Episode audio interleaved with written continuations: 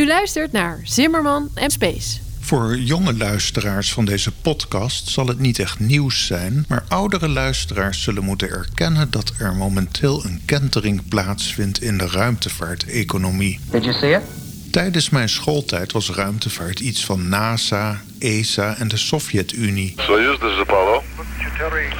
Now, hatch 4 is open. Over. 1975 was het jaar van Apollo-Soyuz, waarin astronauten van zowel de Verenigde Staten als Rusland elkaar letterlijk de hand schudden in een baan rond de aarde. Hier was de ruimtewedloop ten einde. Yay! Samenwerking tussen de grote mogendheden in het belang van wetenschap was de toekomst. Tenminste, zo zag mijn naïeve zelf dat destijds. Waarschijnlijk ligt het aan mijn pacifistische opvoeding, maar ik vond die concurrentie tussen Rusland en de VS in de vorige eeuw maar niks. Zo zonde van al die moeite, tijd, energie en dat geld. Waarom werken mensen niet gewoon samen aan één beste raket, één beste strategie om op de maan te landen? Maar in de praktijk is ook dat een naïeve gedachte.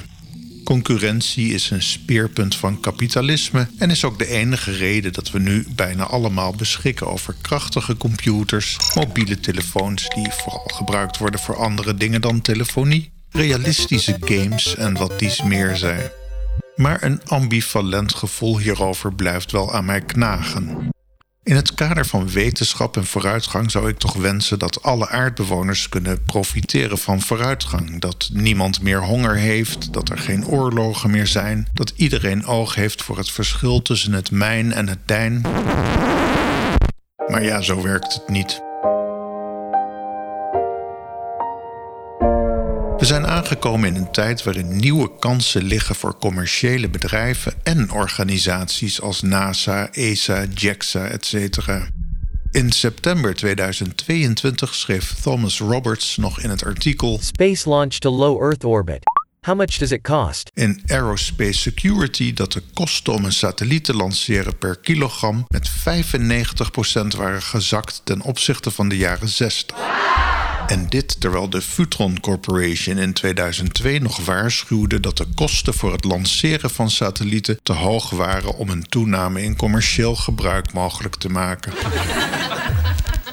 Misschien is het wel aardig de omzet in de raketindustrie eens in beeld te krijgen. Oeh, vind het spannend. Ja, ready.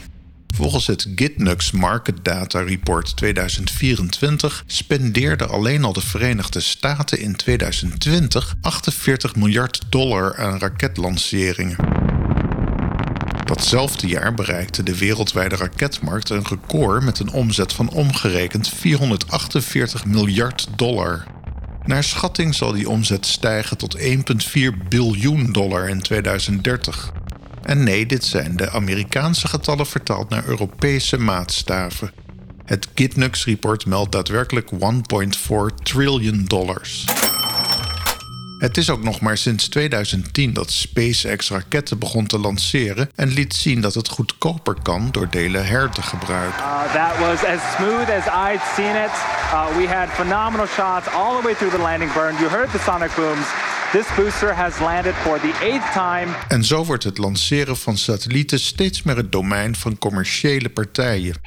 Inmiddels weten we niet beter dan dat SpaceX astronauten en voorraden naar het International Space Station brengt.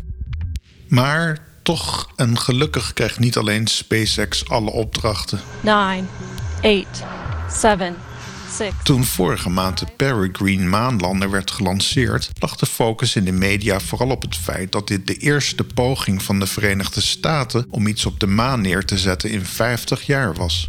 En daarna natuurlijk op het brandstofprobleem waardoor Peregrine de maan helaas niet haalde. Maar er was nog iets spannends aan deze missie. En dat is dat dit tevens de eerste lancering met de door uitstel en vertraging geplaagde United Launch Alliance Vulcan-raket was. And liftoff of the first United Launch Alliance Vulcan rocket, launching a new era in spaceflight to the moon and beyond. We zullen er niet te lang op ingaan, maar de United Launch Alliance is op meerdere fronten een beetje een raar verhaal. In 2006 werd de United Launch Alliance, of ULA, opgericht als fusie tussen de op dat moment ruziende bedrijven Lockheed Martin en Boeing. In 2014 spande SpaceX nog een antitrustzaak aan tegen de ULA, omdat het bedrijf haar inkomsten zag dalen als de Verenigde Staten raketlanceringen zouden uitbesteden aan de ULA.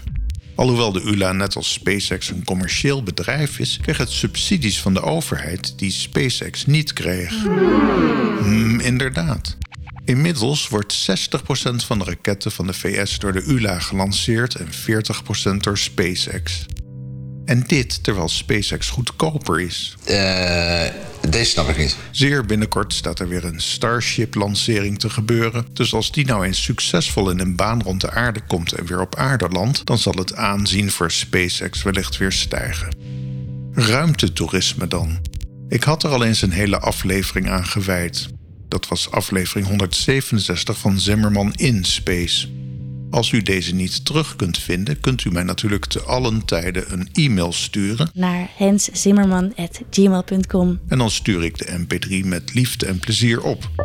Volgens hetzelfde Gitnux-rapport dat ik eerder noemde, zal de ruimtetoerisme-industrie een omzet van 3 miljard dollar bereiken in 2030. Maar dat is natuurlijk wel koffiedik kijken en wellicht pakt het heel anders uit. Inmiddels hebben Virgin Galactic, Blue Origin, SpaceX en NASA al individuen naar de ruimte en teruggebracht. En dan hebben we het natuurlijk over mensen met veel geld. Ja, tuurlijk, zal we niet. Raketten lanceren en rijke mensen die een kijkje in de ruimte gaan nemen, dat spreekt ons natuurlijk persoonlijk weinig aan.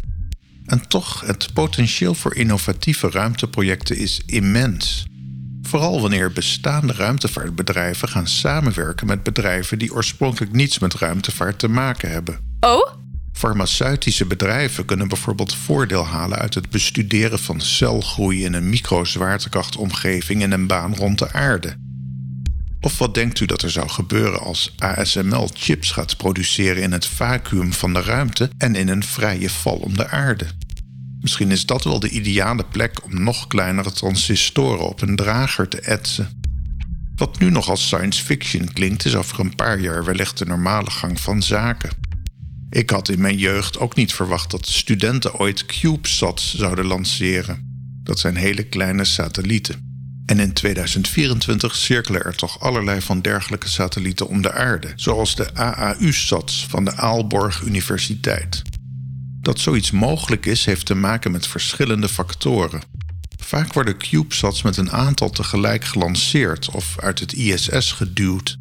Maar ook de kant-en-klare componenten, efficiëntere batterijen en lichtere zonnepanelen, gecombineerd met een beproefd bouwschema, maken dat CubeSats binnen het bereik van universiteiten zijn gekomen. Gelijktijdig met de kostendaling voor satellieten hebben onderzoekers nieuwe technologieën gecreëerd, zoals sensoren met hoge resolutie die de beeldvastlegging, gegevensverwerking en andere functies stimuleren.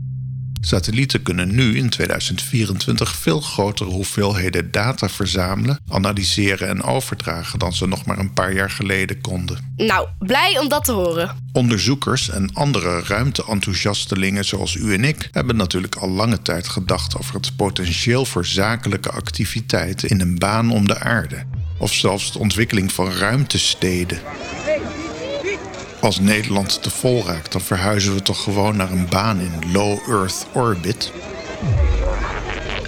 Maar nu, met lagere kosten en grotere technologische mogelijkheden, zou de ruimte-economie eindelijk op een kantelpunt kunnen staan waar bedrijven grootschalig activiteiten in de ruimte kunnen uitvoeren.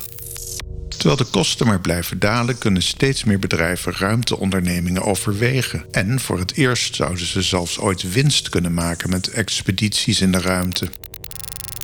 Computerondersteund ontwerpen, 3D-printen en andere innovaties hebben ook bijgedragen aan de kostenverlaging door het productieproces te stroomlijnen en de toeleveringsketens te verbeteren.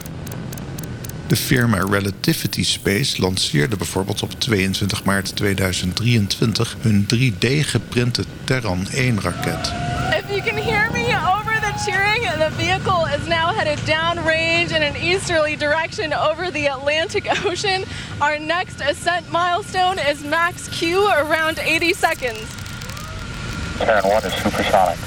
De grotere Terran R-raket, met ook daarin 3D-geprinte onderdelen, zal naar verwachting in 2026 gelanceerd worden.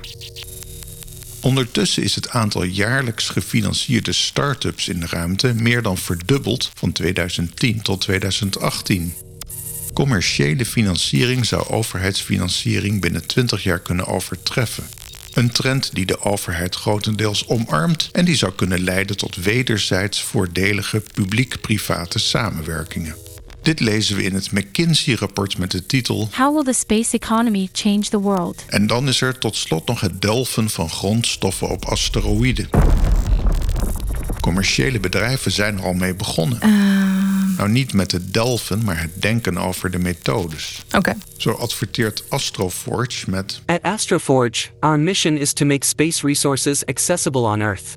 We mine asteroids to extract valuable minerals in space at a lower cost and smaller carbon footprint than the current terrestrial mining methods. Toch is dat laatste nog wel een beetje bluff, denk ik, want het delven van grondstoffen op asteroïden is nu, begin 2024, nog hypothetisch en exorbitant kostbaar. Het is zeer de vraag of bij een missie naar een asteroïde, om grondstoffen naar de aarde te brengen, de baten de kosten zullen dekken. NASA's missie om wat materiaal op te halen van asteroïde Bennu leverde een monster van 249 gram stof op. Het Osiris-Rex ruimtevaartuig dat dit voor elkaar kreeg, werd gelanceerd op 8 september 2016 en de sample arriveerde pas op 24 september 2023 op aarde. Ook kostte de missie volgens Forbes om en nabij de 1,16 miljard dollar. Voor 249 gram stof. Dus de lower carbon footprint wil ik nog wel geloven, maar lower cost than current terrestrial mining methods lijkt me wat overdreven. Het bedrijf TransAstra zegt op haar website: The asteroids contain enough resources to support sustainable exponential human growth for a millennium without straining the Earth's biosphere. We see an abundant future in which humanity makes the bold leap to living, working, and thriving in space. We've made groundbreaking inventions in four core capabilities vital for asteroid mining detect, move, capture, and process. And we're building business around each layer of this tech stack. These capabilities serve government and commercial customers with solutions that they need now. En er zijn nog meer van dergelijke bedrijven, zoals Deep Space Industries en Planetary Resources. Het klinkt voor ons aan de zijlijn mogelijk erg ingewikkeld en kostbaar om grondstoffen te gaan halen bij asteroïden. Maar zoals bij bijna alles wat moeilijk te begrijpen valt, is geld het antwoord. Op 24 april 2015 zei astronoom Neil deGrasse Tyson in CNBC On the Money: The first trillionaire there will ever be is the person who exploits the natural resources on asteroids. En wat valt daar dan te halen? A single asteroid the size of a football field could contain 25 billion to 50 billion dollars worth of platinum. Zegt Noah Poponak van Goldman Sachs. Bent u er nog?